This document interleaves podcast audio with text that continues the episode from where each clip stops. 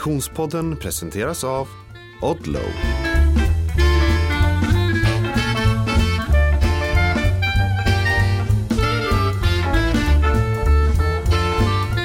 Hej och välkommen till Konditionspodden. Vi är framme vid avsnitt nummer 11 denna tionde säsong och jag som pratar heter Frida Zetterström.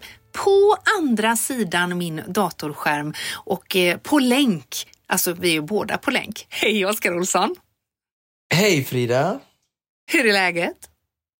Jo, det är hopp om livet tycker jag. Det är ju, nalkas ju vår och eh, ja, livet flyter på bra tycker jag. Jag är tillfreds. Härligt att höra. Du, eh, vad har du tränat idag? Oj, ja det är bra, bra fråga. Det är rätt på här. Eh, ja, men det har varit en bra träning faktiskt. Jag har ju mina onsdagar fortfarande lite sådär eh, halvt igång med min eh, gamla konditionsgrupp som, som eh, vägrar släppa taget om, om de passerna. Eh, så att jag körde, eh, men först hann jag med ett lunchpass, löpning, eh, som jag var nöjd med. Det var eh, två meter uppvärmning, eh, sen var det fyra gånger två meter i fallande tempo. Jag låg runt 3.29 fart på den första och sen ner mot 3.20 på den sista. Så det var bra. Eh, tröskel, alltså 4 gånger 2 meter. Eh, och sen då körde vi cykel ikväll med eh, eh, vet du intervaller på Monarkerna på, på mitt gamla center. Så det blir två träningspass idag. Det är inte ofta eh, under barnveckorna. Bra där, bra där. Ja, Good for you. Mm. Good for you. Och din träning då? Har du tränat idag? Ja, nej, jag är i fullständigt recovery mood. Eh, Efter en eh, in i kaklet period. Eh, och eh, det är ju lite så med mig att eh, när jag har haft de där eh, riktigt många riktigt stora jobben som har krävt mycket output av mig i, eh, på scen eller i tv eller liknande så är jag eh, lite trasig efteråt eh, oftast och eh, då eh, gör jag bäst i att gå väldigt långsamt eh, och där inkluderas icke-träning. Låter klokt. Men eh, vi, vi har ju lite frågor här nu som, som eh, i avsnittet här längre fram som, som, som kommer liksom eh, Eh, knyta åt det lite eh, kring din träning och sådär. Så det kanske får bli att du får eh, planera dina uppdrag ut efter din träning om du Just Det så är det. ja. Nej, det var ju du utav oss två som jobbade på det sättet. var det, ja, jag? Men du, du Ja. har ju helt rätt i att eh, dagens avsnitt kommer att beröra en mängd frågor. Vi eh, har ju flaggat för att vi eh, ska köra frågelåda i veckans avsnitt och det är superkul att se att ni är så många som hör av er eh, och eh, skickar frågor, tankar, reflektioner, eh, kommentarer via våra sociala medier. Ehm, ska vi dyka rakt in i frågelådan eller vad säger du? Ja, det gör vi väl. Vi har ja. kunnat av, avkunnat eh, din och min träning och ja, det är bara att hoppa rätt in. Det gör, ja, det gör vi. Veckans avsnitt handlar alltså om lyssnarfrågor. Okej, Oskar. Eh, det är frågor av varierande eh, eh, karaktär, men jag tar bara en rakt ur högen. En Evelina ska vi se, har skrivit in. Hur bör man lägga upp sin träning om man vill träna inför swimrun? Ja, bra. Det, det, det, är- jag får ingen mer bakgrundsinformation utan det är generellt, för vi kommer alltid tillbaka till det här um, eh, jag vill ändå säga det, jag ska, jag ska ge ett så bra svar jag kan, men anledningen till att jag frågar är ju just det här att eh, beroende på tidshorisont och, och sådär så har vi ju lite olika prioriteringar eh, som kan vara bra att eh, göra och saker som kan vara bra att hinna med för att just då förbereda oss så bra som möjligt inför ett mål. Och då, men är, är det tight om tid då, då får, man, får vi vara mer alltså, tävlingsspecifika. Och har vi mer om tid så kan vi bygga eh, lite saktare och lite bättre som det är med, med de mesta saker i, i vårt liv när vi, när vi ger oss mer tid. Just det. Men det framgår kanske inte här tänker jag. Nej, det gör det inte. Det är ju ganska korta eh, frågor, lite så här i Twitterform. Ja, ja fattar det, förstår det. Förstår det. Eh, ja, men vi, vi håller oss eh, breda. Eh, Tack för frågan Evelina och, och kul eh, med, med swimrun-frågor. Jag eh, har ju som sagt ett eh, gediget förflutet där och, och en nära kärlek till, till sporten eh, som fortfarande kämpar sig vid liv. Ehm, eh, men, alltså, vi, kan ju, vi, man kan ju ponera, ju... vi kan ju ponera att Evelina är, kanske inte har tränat swimrun innan då, kanske är en, en konditionsidrottare av more, mer klassisk karaktär, eller? Det kanske det är. Mm. Uh, det, vet jag inte. Om hon redan har tänkt, eller om det låter som att hon tävlar eller har bestämt sig för en tävling så tänker jag kanske att hon har testat men uh, ja, det är svårt att säga som sagt om hur, hur novis hon är. Uh, men generellt såklart då så är det ju löpning och simning och det är ju mycket terränglöpning så att men loppen varierar ju ändå inom swimrun. Så att det jag skulle titta på eh, är ju först då vilken tävling är det du siktar på och vad ställer den tävlingen för krav på dig? Mm. Eh, det här har jag varit inne på förut också, att, att vara eh, ja, hela tiden ställa sig den frågan. Vad, den aktiviteten, det målet jag har, vare sig det är Vätternrundan eller Vårhuset, swimrun, triathlon, eh, skidlopp, eh, så börjar mountainbike, eh, racer, alltså det finns ju hur mycket olika som helst då. Att hela tiden utgå ifrån vad är det för för krav som utmaningen kommer att ställa på min kropp. Mm. Och sen då utifrån det börja bryta ner, okej okay, hur kan jag börja för att möta de kraven då? Um, så det är ett bra ände att, att börja uh, alltså för sig själv och lägga upp sin träning. Och om jag tittar på swimrun-tävlingar då så ja, men ändå så är de oftast um, um, inom uh, alltså trail och skog och sådär. Hala klipper och sånt där och, och, och kanske i och urgångar vid vattendrag och sånt där då, då är det klart att då behöver du ju förlägga viss del av din träning. Jag tror att många kan kanske lätt bli lite bekväma eh, och eh, ja, träna väldigt såklart med all, med all för, full förståelse för att vi försöker effektivisera våra liv mer och mer och träning att hålla sig och träna precis där du befinner dig men försök att kanske leta dig till platser som, som eh, i, i din närhet eh, som ändå efterliknar Eh, Eh, den specifika tävlingens eh, ja, banatyp eller bansträcka. Sen kanske är kuperat eller så är den kanske platt eller har den mycket inslag av ehm, eh, grus och asfaltslöpning så kan jag uppleva att många eh, swimrunners eh, glömmer att anamma klassisk löpträning, maraton, halvmaraton och, och ja, löpgruppers eh, löpstruktur, vilket ofta innefattar en hel del den här tråkiga mjölksyraträningen som jag gjorde idag med längre trösklar eh, på sån här jobbig, obekväm eh, fart. Alltså vi motionärer oftast tenderar att tävla i det högsta spektrat, det är kort och hårt där vi bara känner att vi får, får säga jättemycket och sen får vi ganska mycket vila och så.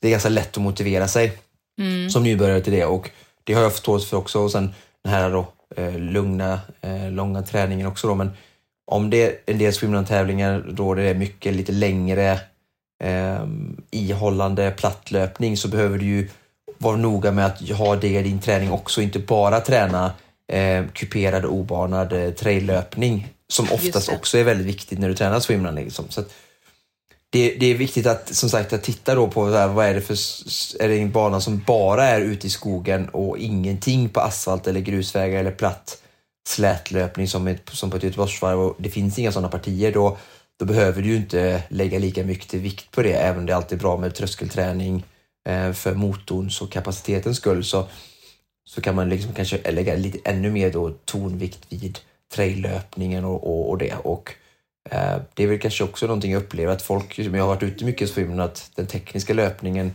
även på hög nivå inom swimrun är, är bristfällig och det, det är ju någonstans att då är de inte bra och vi har, det är också en bra grej i detta när vi pratar om träning och, och träning för olika utmaningar. Att vi har en liten inbyggd svaghet, mig inräknat, att vi, det är oftast kul att fokusera och träna på det som vi är bra på.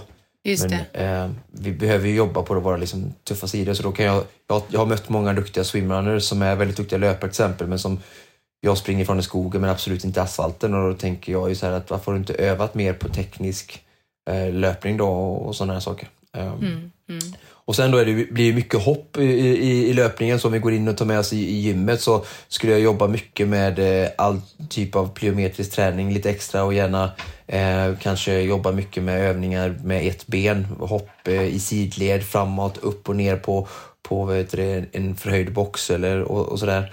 Eh, för det är mycket, alltså mångsteg kan man kalla det för idrotten, men alltså att man gör eh, sådana här graciösa kliv och hopp och skutt för att det kommer ju mycket hinder i skogen då. Så att, att jobba med den typen av saker, uh, hopprep och ja, för att få igång liksom den ja, både i nervsystemet och allting, att kunna liksom hoppa och skutta och bli liksom alert och inte bli tung i, i, i, i steget eller vara, vara tung i kroppen på det sättet utan verkligen kunna vara, känna att du är spänstig. För jag tror att en swimrunner skulle le, eh, beneficial, alltså det gynnas mycket av att, eh, att vara spänstig. Mm. Och sen när vi kollar på simningen då så, så skulle jag säga att där är ju då, men bara generellt, och det kan ju säkert Evelina också om inte hon nu verk, verkligen kommer från en simbakgrund, men jag säger, pratar till er då som verkligen inte kommer från simbakgrund, så där tycker jag swimrunners gör väldigt mycket, eh, ganska stort fel, att de simmar alldeles för korta pass.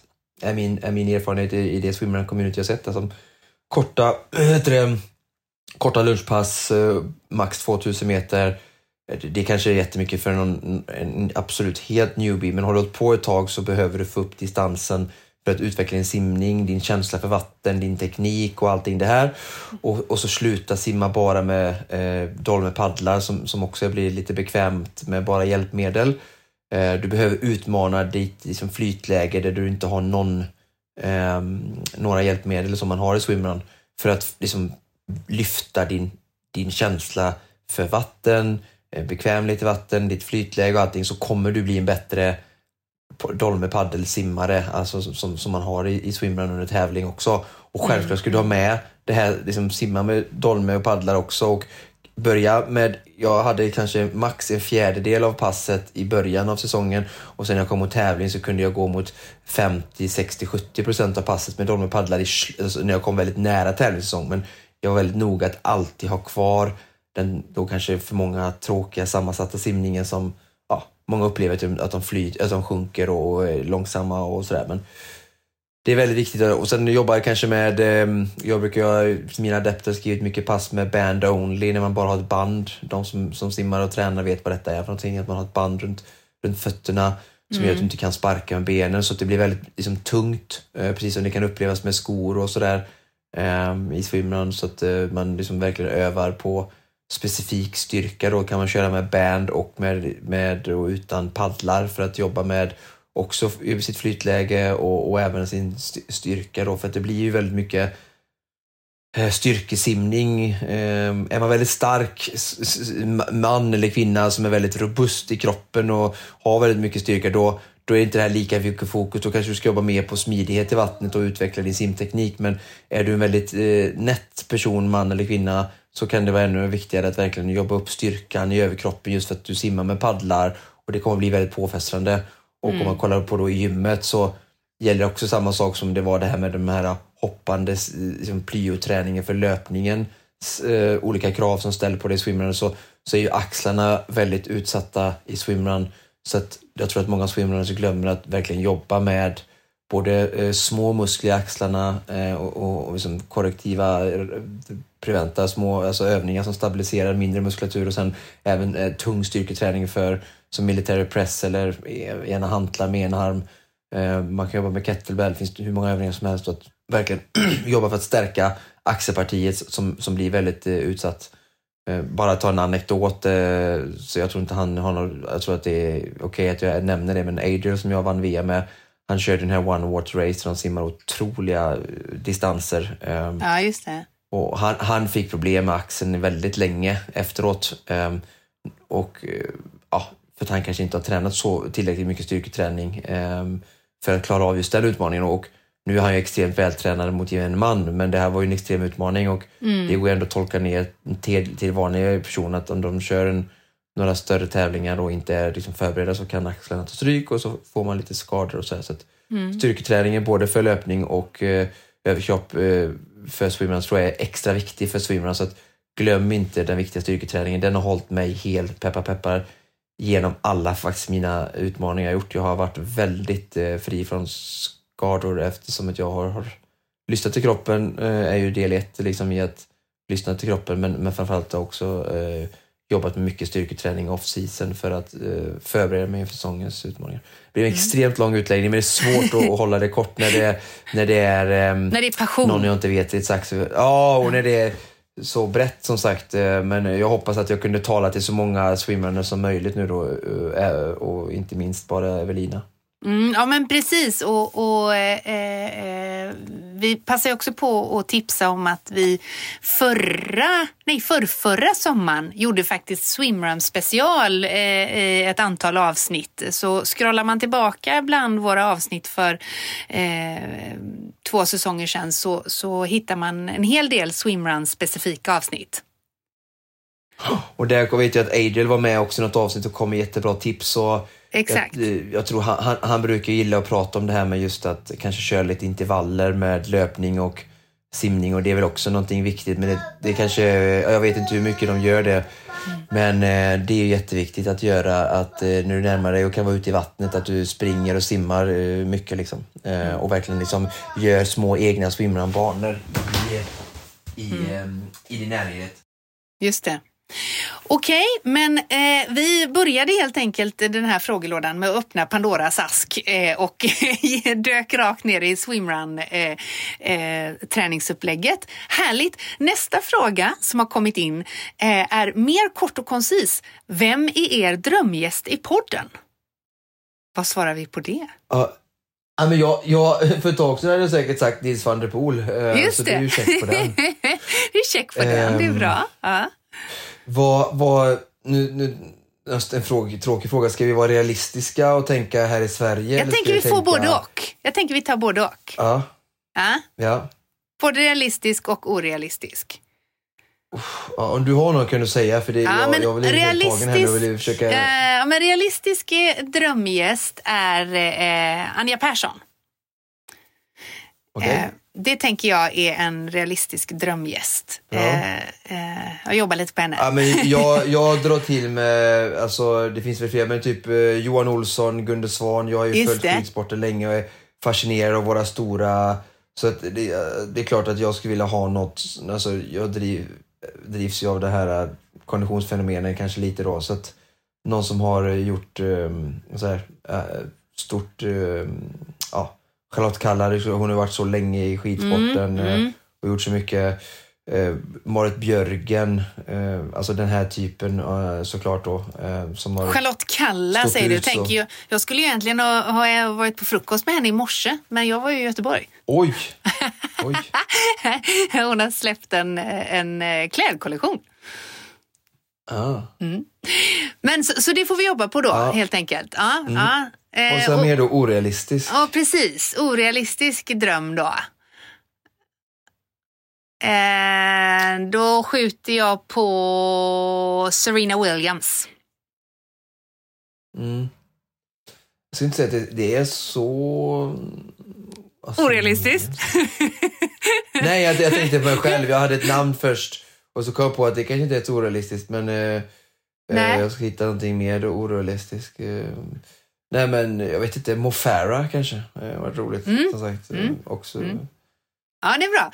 Vi, vi, man kan väl säga att vi, vi jobbar ju på att eh, nå drömgästerna helt enkelt. Eh, och, eh, Ja, jag, jag får nog återkomma. Jag har ju hur mycket som helst och jag, jag kan inte lägga så mycket tid i livesändning på att fundera eh, in i hjärtat. Och på, jag har ju så många olika tränare och, och runt om i världen som har gjort så mycket för, för konditionsidrott så att, och atleter. Så att, eh, ja, Ja. jag får nästan återkomma. Det var en kul fråga. Kul fråga. Verkligen kul fråga. Och om du som lyssnar känner att du har förslag på realistiska drömgäster, in med dem bara. Släng ett eh, DM till oss eh, på DM. Instagram så, så eh, ska vi göra vad vi kan för att få med eh, så härliga röster som möjligt. Eh, vi tar en ny fråga.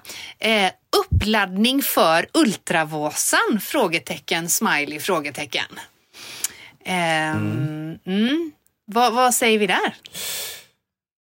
Ja, eh, att det är långt och krävande. Eh, Jag skulle säga eh, mycket styrketräning. Eh, också någonting som folk kanske glömmer bort. Och sen eh, jobba med eh, väldigt långa löppass som också, jag tror att det jag tror det är väldigt svårt för motionären att motivera sig till, till få till fyra, fyra och en halv timmars långa träningspass löpning. Ehm, men eh, alltså, tänk lite out of the box. För många kanske tänker vanliga klassiska löpningar, men jag säger så här, fyra, fem timmar minst. Alltså, vinnartiden är runt 6 timmar. Motionärerna springer kanske mellan 8 och 14 timmar. Och det är ju extremt lång tid att vara ute. Så att få till en, en, en 4 till 6 sådana liksom 4-5 timmars löppass och tänk då kanske en superbra löprygga eh, med mycket energi och vätska och så kanske till och med på stavar och så bara ge sig ut i, i ett naturreservat och spring, eh, spring 50 minuter, gå 10 minuter och så bara mm. håll på i, alltså, eller spring 25 minuter, gå 5 minuter och så gör det i 5 timmar. Alltså var ute länge där du upp och så fort du kommer backar som är branta så går du istället för springer för att verkligen se till att du orkar hålla dig rörandes i, i maklig takt i fem timmar och hålla uppe pulsen. Um, mm. så, så var smart med hur du lägger upp ett sånt pass. Och sen in med långa cykelpass. Också mm. då liksom att en motionär som inte kan springa den löpvolymen både på grund av tid och framförallt inte av fysisk eh, kapacitet alltså, eller, eller vara kroppen inte rustad för att springa de här löpmängderna som en Jonas Bud eller andra topp 10 på Sultavasan kanske gör med 10, 15, 20 mm. liksom mil i veckan.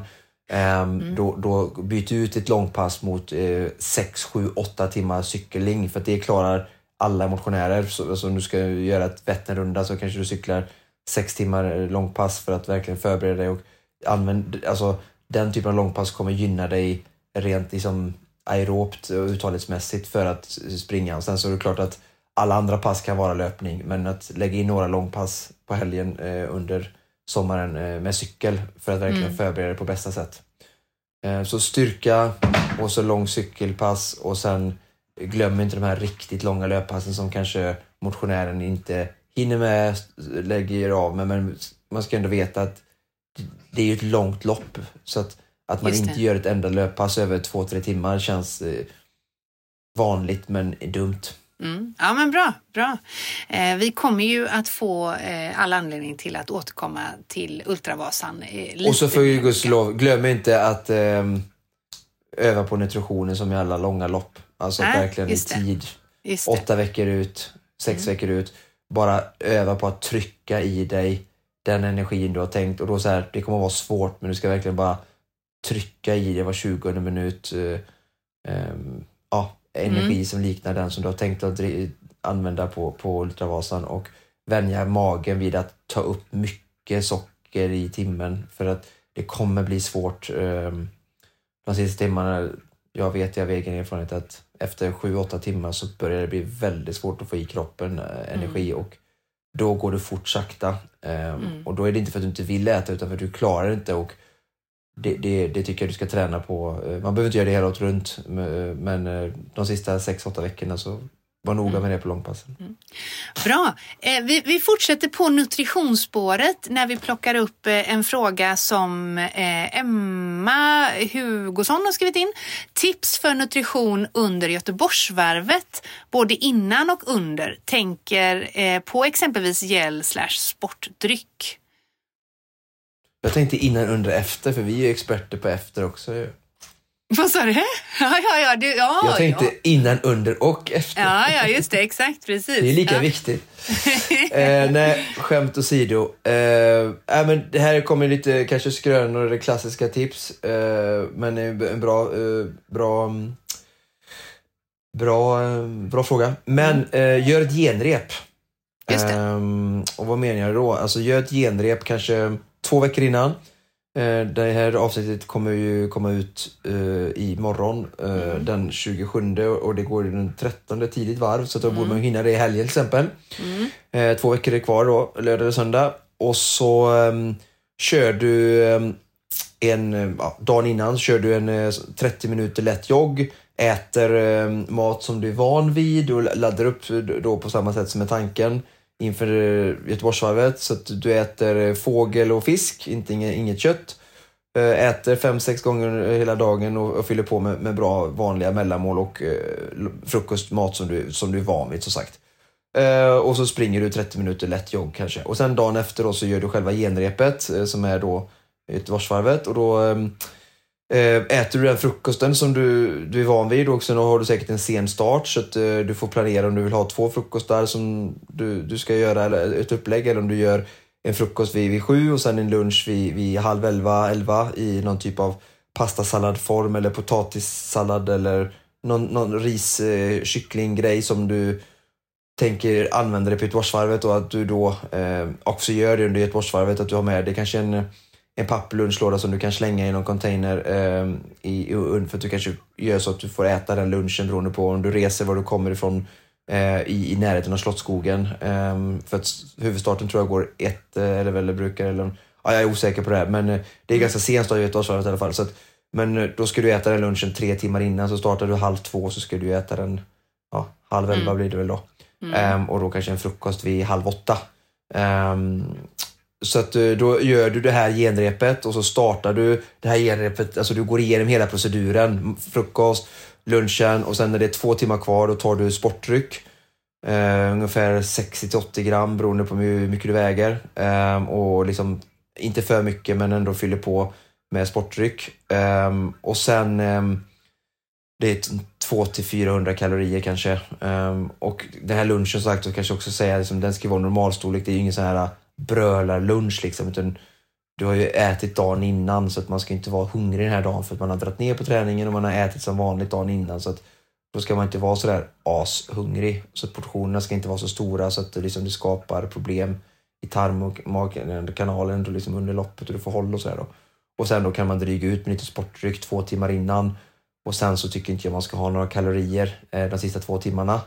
Eh, mm. Utan bara fylla på med vätska och vatten. Eh, ja, dricka vatten kan man göra så mycket man vill så att man kissar ju under uppvärmningen och innan start kanske lite i skogarna och buskarna runt omkring. Och så hela, ja, men sagt du gör det här genrepet då som alla förstår. det är ju tävlingsdagen jag pratar om, men du gör det här två veckor innan. Så springer du ditt Göteborgsvarv hemma då. Mm. Gärna li liknande underlag, kanske asfalt eh, som mycket på Göteborgsvarvet är och efterliknar. Och du kanske inte köra, ska inte köra ett helt Göteborgsvarv allt du kan men mitt förslag är att du kanske kör Eh, fem kilometer lite hårt så att du verkligen, liksom, verkligen kör hårt. Um, um, precis som du skulle göra på, alltså du gör en uppvärmning på kanske två kilometer och joggar och blir varm och svettig och så springer du fem kilometer i din Göteborgsvarvet-fart och sen kör du 10 kilometer i, i någon typ av eh, liksom mystempo eller distanstempo zon 2 och sen så avslutar du med, med 5-6 kilometer i, i Göteborgsvarvet-tempo igen och så under hela Göteborgsvarvet så fyller du på med då eh, sportdryck eh, eller med, eh, med gels. Eh, jag skulle rekommendera att om du har gels du är van vid och sådär så, så använd gärna liksom fyra gels kanske, eh, en varje halvtimme om du springer på två timmar eller, eller ja, springer du på en och en halv timme så kan du ta en på 20 minut. Mm. Och fyra gels kan man ju ta med sig på Göteborgsvarvet om man, om man vill, vill det, om man tar hjälp med, med langning eller om man tänker dricka Göteborgsvarvets eh, egna kontroller. Och har du fyra gels och dricker vatten på varje eller varannan kontroll så, så klarar du liksom vätskemässigt tror jag om det inte är supervarmt. Då får man väl kanske dricka lite oftare. Men, eh, eller ta två muggar vid varje, varje men det, det ser inte ut att bli sådär supervarmt kanske. Eh, men ehm, ja, så gör du det liksom. Ehm, och då har du gjort ditt genrep och då har du testat allting och då är du trygg att eh, då vet jag vad jag ska äta dagen innan för det funkade och allting sådär. Så det, man, det jag vill liksom ta ifrån är ju såklart att äta eh, helt liksom såhär, nya saker, gå på restaurang dagen innan och det är bättre att gå på restaurang och dricka öl och ha det gött eh, på lördagskvällen på fredagen, tycker jag då. Um, och, och vara lite mer strikt uh, på fredagen. Um, och alltså är du på hotell och sådär och vi reser, vi har pratat om det här förut, så det mesta, liksom, hotellen finns ju, man kan ju fråga innan man åker dit och det är två veckor kvar, fråga vad det finns på frukosten och så kan man testa, alltså funkar det vitt bröd för mig? Ska jag ha omelett? Ska jag ha havregrynsgröt? Ska jag ha någon typ av yoghurt med müsli? Eller liksom, vad, vad funkar med för mig? Vad brukar jag ha vardagligen och, och sådär då? Um, det går ju som om man vill anstränga sig och, går in för detta så går det ju att ta reda på det om man nu bor på hotell då eller sådär. Mm, bra. Okej, eh, vi tar en ny fråga i frågelådan. Eh, vad är Oskars mål med Vasan 2024? Och sen kommer en liten bifråga. Kommer Frida köra också? ja, då får du svara på den sen då. Ja, ja precis. Nej, men jag får frågan ofta och jag är ganska transparent med det att Vasaloppet är såklart det största man kan göra inom skidåkning. Mm. Men eh, det är inte det viktigaste för mig. Ehm, det viktigaste för mig är att hela tiden utvecklas som skidåkare och känna att jag tar steg, gör bra lopp på, på skidtävlingar och blir bättre och bättre. Mm. Så om jag inte känner att jag är kanske tillräckligt bra så skulle jag ju kunna känna att jag inte startar Vasaloppet, vilket för många kanske känns helt absurt. Men jag vill känna att jag har tagit de kliven och kan komma förberedd till just det loppet i så fall. Men det är inte alltid så lätt att vara helt hundra förberedd kanske till ett specifikt lopp. Eh, alltså det kan vara sjukdomar och det kan vara ja, skador och sånt där. Um, men om allting som går, ska gå som det, som det ska Mm. så eh, känner jag att eh, topp eh, top 200 eh, är ett motiverande mål som känns rimligt men ändå svårt. Just det. Du då?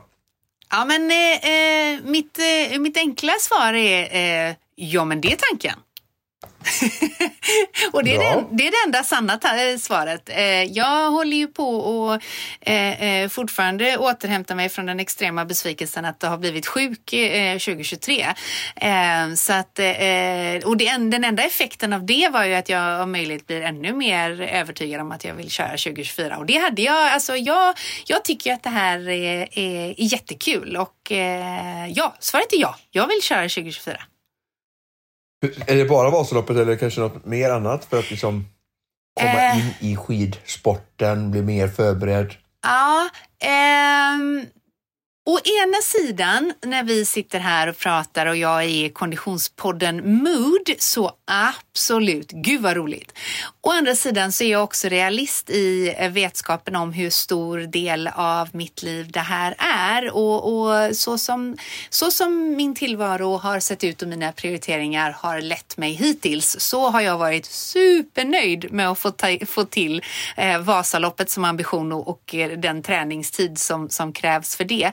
Eh, men jag är inte oäven att göra, eh, för förra året gjorde jag ju ett sånt eh, sidinglopp mest bara för att få ett sånt träningspass och jag kan absolut tänka mig att försöka göra det igen. Men jag är samtidigt väldigt nöjd med att få, så, så länge jag får tid på snö och helst riktig snö så är jag glad. Låter bra. Ja, så det, det ser vi fram emot. Eh, vi håller oss kvar i, i snön lite grann och så får vi en fråga här från eh, en Chris, tror jag, Chris Berggren. Var, vart hittar man bra träningsupplägg inför öppet spår tre mil nästa år? Ja. Bra fråga. Vad, Mm. är, är, det, är det gratis som tänker eller vad? Ehm, ja, vi kan väl ge förslag på både och kanske, om det finns. Mm.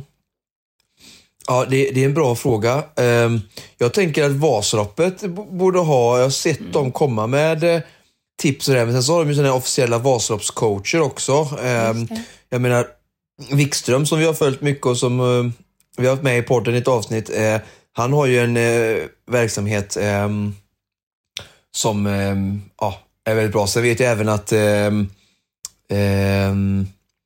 i- eh, längdskidspecialisten som jag tävlar för eh, hjälper vissa, men det, det är inte sådär, det är ganska specifik coachning. Jag tror att Wikström har ett mer community. De verkligen ehm, hjälper folk med, med färdiga skidprogram som man kan hoppa på. Så det är nog mitt eh, alltså, starkaste tips för den, för den, eh, för den seriöse eh, och som vill investera lite. Sen eh, brukar ju våra eh, eh, avsnitt inför eh, Vasaloppet, eh, vi brukar alltid prata inför, alltså, vi har haft barmarksträning med, med Svan och jag kan verkligen rekommendera, det kostar ju ingenting att klicka sig tillbaka på avsnitt där Vi har pratat mycket om träning inför Vasaloppet flera säsonger faktiskt och kommer säkert göra nästa år, säsong igen med tanke på både ditt och mitt engagemang eh, kring Vasaloppet eh, och att det, ja, att vi då vill eh, Ja men verkligen, Pratar precis ni? så. Att scrolla bakåt i, i bland våra poddavsnitt och där kan man ju välja lite grann och lyssna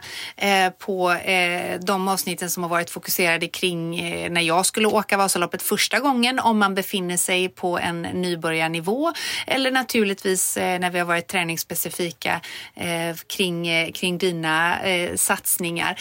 Och precis som du säger, Wikström coachning och, och att då gå in och lyssna på Lagom kondition som ju också pratar mycket kring detta. Det, vi, eh, Poddar är ju fantastiska i, när det gäller just eh, Mm. Ja, men jag tror här. att du kan få mycket. Vill, vill du ha gratis eh, träningstips, vilket inte är något fel på, så skulle jag verkligen rekommendera eh, just eh, de här, typ, alltså våran och lagom eh, Mm. och även andra skidpoddar för att det kommer mycket ja, träningssnack där som du kommer väldigt långt på.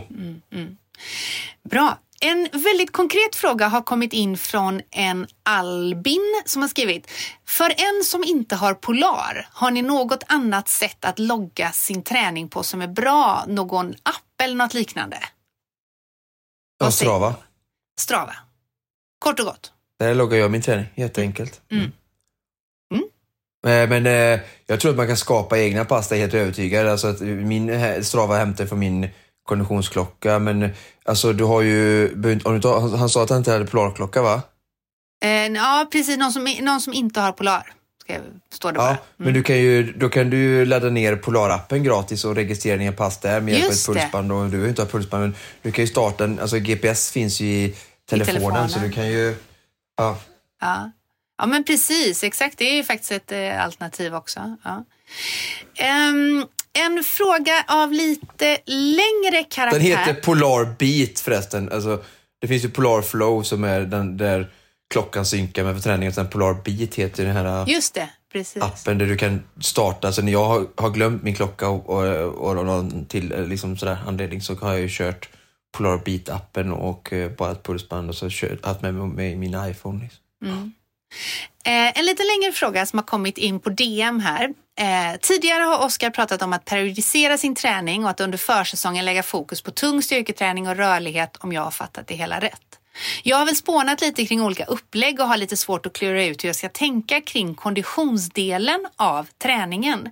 Hur stor del av träningen ska läggas på, eh, läggas på kondition och på vilket sätt? Mest tunga korta intervaller eller mer tröskel och långpass?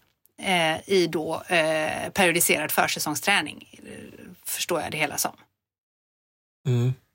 Det går inte att gå tillbaka. Eh, säger hon att hon har lyssnat? För att jag går igenom detta väldigt noga i de här olika faserna. Men hade hon lyssnat eh, på tidigare avsnitt? Va? Ja, det kan ju hända att man har lyssnat. eh, Ja, det står tidigare och Oskar Ja. pratat om att periodisera sin träning. Ja, precis. Men jag vet att vi har, när vi pratar om just eh, träningsplanering, tror jag till och med finns ett avsnitt och då går jag igenom exakt detta.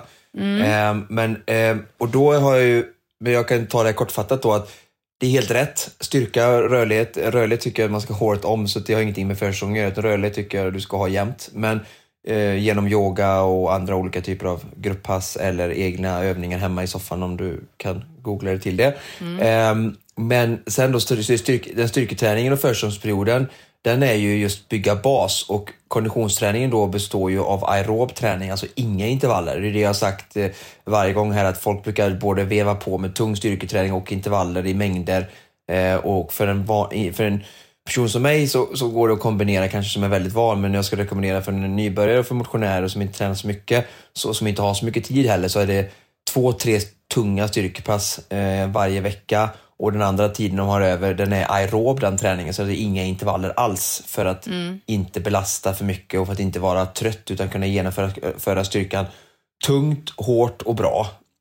Alltså att den ska vara verkligen, den ska vara tung och det ska vara det som huvud. Sen när man styrkan blir mindre, ja men då blir ju intervallerna styrketräning, situationstecken, passen eller de, de tunga belastande passen för kroppen. Man kan ju inte ha kanske hur många tunga belastningar, du kan inte ha två, tre styrkepass och två, tre intervallpass samtidigt. Det är därför vi periodiserar och lägger upp det här i olika block. Att nu ska jag stärka kroppen och, och lära kroppen att träna den aeroba träningen och så vänja muskler och vid att springa, cykla, simma och, och ta det lugnt. Och s- när det, kroppen är liksom inkörd, insmord, stark, förberedd, då börjar jag bygga intervaller och då kommer ju först de korta och bygga det här hårda om man tränar för lite längre och sen så sista blocket så blir det liksom närmare tävling, där de tävlingsspecifika längre eh, tävlingsin, alltså specifika intervallerna då, som oftast är längre om vi tävlar, ja oftast motions, konditionsidrott är ju av den lite längre karaktären. Mm, mm, mm. Bra, mycket bra. Eh, här kommer en fråga som eh, jag tror bara, eh, kanske inte hela kom med, men vi, vi, vi, vi ser hur långt vi, hur långt vi förstår. Det står, hej, nedvarvning efter ett pass har ni tagit upp att det är viktigt och varför. Men hur låg en intensitet är nedvarvning? Och sen så ser jag att han har liksom fortsatt, eller han eller hon, nej en Albin är det, har fortsatt skriva och det har liksom inte kommit med. Men om vi tar då frågan hur låg intensitet är nedvarvning? Ja, spännande fråga. Bra fråga. Mm. Eh, återigen som man säger, kul att han varit uppmärksammad att vi har pratat om det och att tryckt på hur viktigt det är. Så att, absolut jätteviktigt. Och, det, eh, och för er som är nya och inte hört det så är det alltså det påskyndar ju ner, eh, alltså återhämtningen. Alltså, vi har slaggprodukter i kroppen efter avslutad eh, tung träning. Så att är det varit väldigt lätt distansträning så krävs ingen nedvarvning helt enkelt. Men så fort vi har haft mycket laktat i kroppen, alltså tröskelträning eller tuffare, så behöver vi ha nedvarvning för att när kroppen är i rörelse, alltså inte sitter stilla i en bil eller i en soffa eller sådär, eller bara går i köket, hemmet, så eh, blir transporten av de här produkterna mycket sämre. Så att 15-20 minuter nedvarvning efter tung, tunga intervaller är att rekommendera. Eh, men det är bättre med 5 än 0 såklart. Eh, och eh, intensiteten ska ju vara bara alltså, lugn genomsyrande zon 1 till zon 2. Alltså 60 eh, till, eh, alltså det kan ju vara en, en rask promenad. Kör du intervaller på gymmet och du har 15 minuter gång hem, ja men det är perfekt. Alltså, då tar du en rask promenad, du behöver inte springa hem för att det ska bli nedvarvning. Så att, men det är klart, eh, lågintensivt arbete i köket räknas inte som återhämtning utan det behöver vara i rörelse och du har lite puls. Men mm. extremt låg eh, kan den ju vara. Mm. Så det finns inget krav på det, bara man förstår grejen att det handlar om att ha cirkulation i de lokala musklerna som har jobbat. Har du kört liksom ett, ett roddpass eh, så kanske det är bra att ro ner lite för att du har jobbat mycket. Eller har du kört stakpass så kanske det är bra att då kanske mm. en promenad blir svårare. Men även en promenad kommer ändå hålla hjärtat, alltså, i, alltså hela det centrala systemet kommer ändå pumpa och slå när du promenerar hem. Så det funkar väl också som nedvarvning. Mm. Man vill väl försöka vara lite lokal i sin nedvarvning då. Alltså. Mm. Bra! Eh, och, och, nu kanske du sa det och jag var ouppmärksam, men, men finns det någon liksom, tumregel på eh, eh, hur lång eh, den ultimata nedvärvningen är? Om man säger löpträna en timma, hur lång nedvärvning? Löpträna 25 minuter, hur lång nedvärvning? Alltså finns det någon procentuell eh, Nej, jag säger så här, en bra riktlinje är alltså 15 till 20 minuter mm. eh, beroende på hur hårt passet har varit. Men och intervallpassen är ju oftast mellan 20 till 45 aktiv intervalltid. Mm.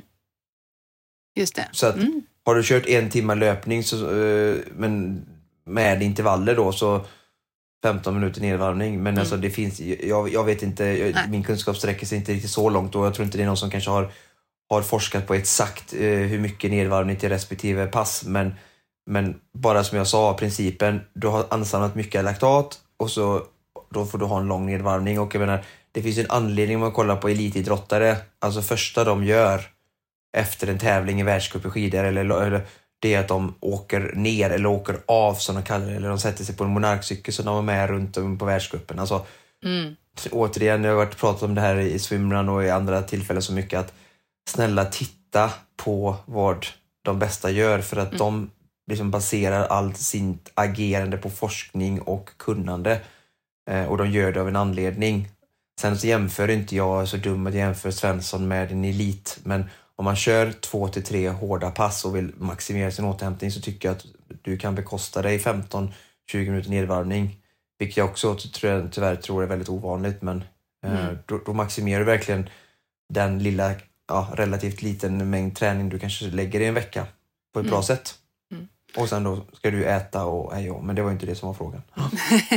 ja, bra. Eh, bra svar eh, och tack för frågan Albin.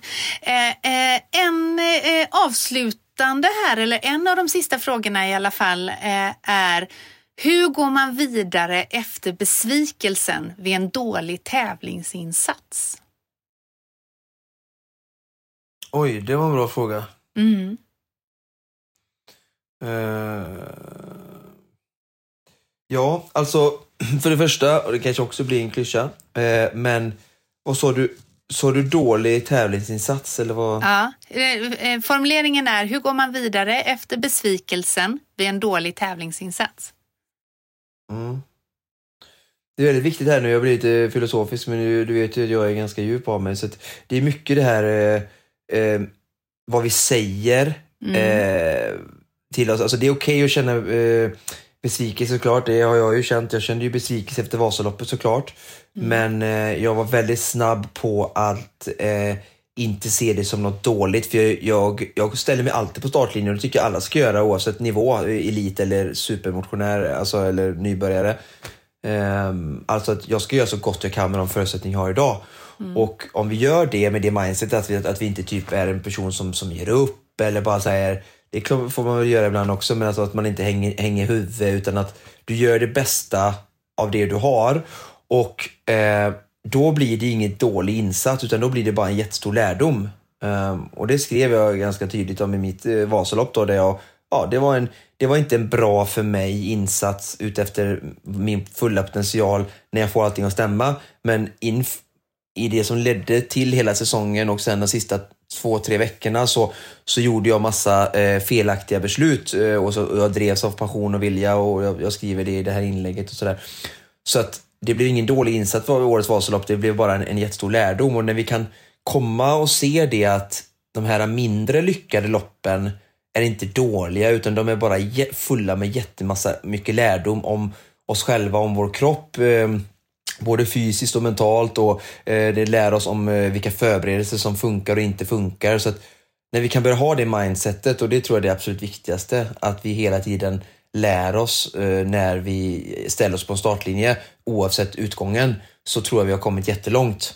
Sen mm. så får vi såklart tillåta oss att ha en stund av, av, av kända besvikelse, lite som att det såklart efter att det har hänt något jätteallvarligt i livet att vi ska tillåta oss att sörja eller tillåta oss att gråta i vardagen. Så det är kanske också människor inte är så bra. Så jag menar inte att det är väldigt viktigt att ni förstår att jag inte menar att uh, hon eller han inte ska känna besvikelse. Det har vi all rätt att göra. Mm. Men att inte vi slår på oss själva och kallar det för ett dåligt eh, lopp och jag kanske ser många sådana här race reports där folk ska hålla på och hitta ursäkter och säga att de var så dåliga eller det är så här och så här och, och sånt. Och att det blir också fel kanske att använda det Eh, kommunikationen utåt för att det vi kommunicerar utåt kommunicerar vi också inåt eh, såklart, har vi redan gjort då. Ehm, mm. Så att tänka lite där på det mindset och förhållningssättet. Eh, och sen var frågan hur jag går vidare. Och du tittar ju på de här sakerna som inte stämde. Alltså vad var det som hände som gjorde att du inte upplevde att ja, men all träning jag har gjort och känslan och om jag är realistisk och är, har koll så jag borde åka på, på sex timmar på Vasaloppet. Jag borde springa milen på 45 minuter. Så springer du på 49 och så har du gjort mm. massa intervaller och träning som tyder på att du gjorde 45. Okej, okay, men vad var det som inte gjorde det? Öppnade du för fort så du var dålig på att pacea dig? Det är ganska vanligt. Du hängde med liksom några andra ryggar som var bättre och du, du tänkte att det skulle gå på 43 så du, liksom, du jagade efter för mycket som jag gjorde på Ultravasan 2015 till exempel. Ehm, eller du glömde fylla på med energi, eller du tränar för mycket eller för lite i veck, sista veckan. Ehm, du tränar inte specifikt för just det loppet. Alltså, jag har tränat massa intervaller och sådär, men jag har kört väldigt mycket i skogen och det här var en platt mil jag liksom skulle genomföra. Jag har ju kört jättelite långa trösklar på platt asfalt som är just det kravet som den här typen av lopp ställde på mig. Så det kanske var därför du misslyckades, eller inte, inte misslyckades, men inte nådde ditt mål.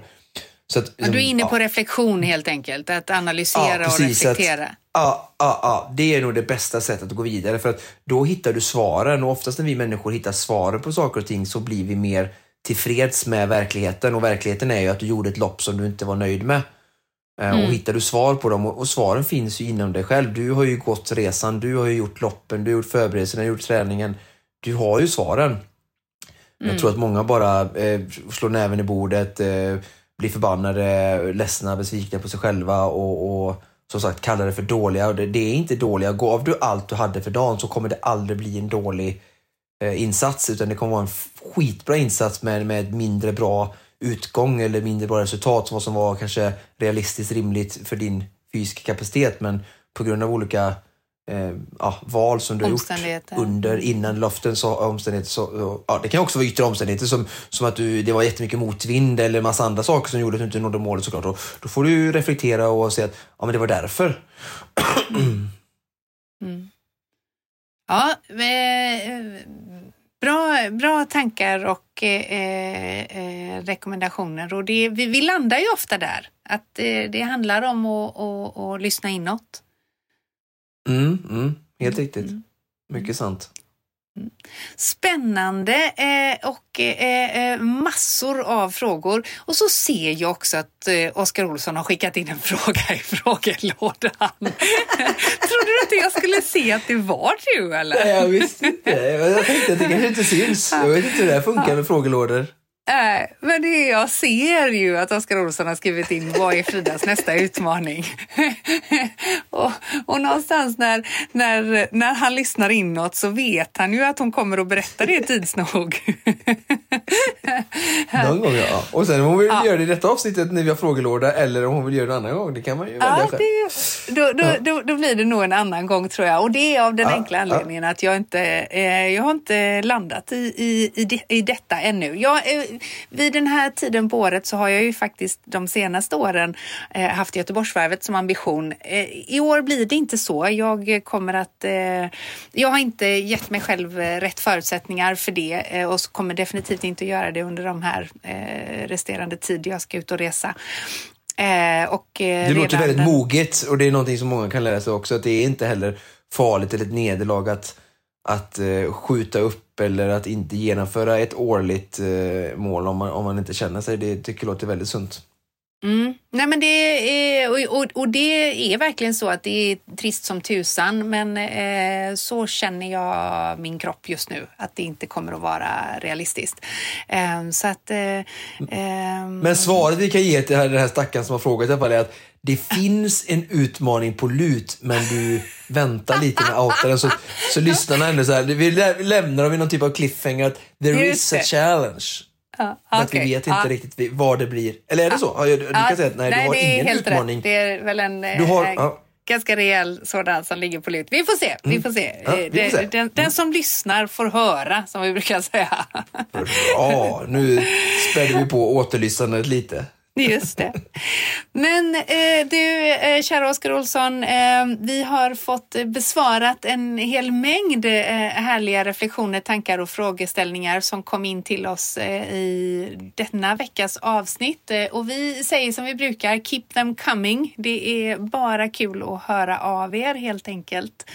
Eh, har vi några avslutande ord på vägen till våra kära poddlyssnare? Glöm inte att ha roligt. Träning ska vara roligt. Exakt så. Livet ska vara roligt, men, men gör inte saker ni inte tycker är kul. Nej, bra. Gör Förutom då styrketräning och yoga och sånt där och det är tråkigt kanske. Men, men, men försök att rikta in er mot träning och, och, och, olika utmaningar som, som, som ger er någonting på djupet och inte för att ni måste eller någon annan gör det. Mm. Ja, det var mycket bra där. Eh, eh, tack för eh, eh den här eh, veckan, Oskar. Mm, det är tack Frida. Hoppas mm. du får en uh, bra vecka så ses vi igen nästa vecka. Mm, förhoppningsvis gör vi det. Och tack till mm. dig som har lyssnat. Precis som vanligt produceras Konditionspodden av Fredag. Connect Brands with People.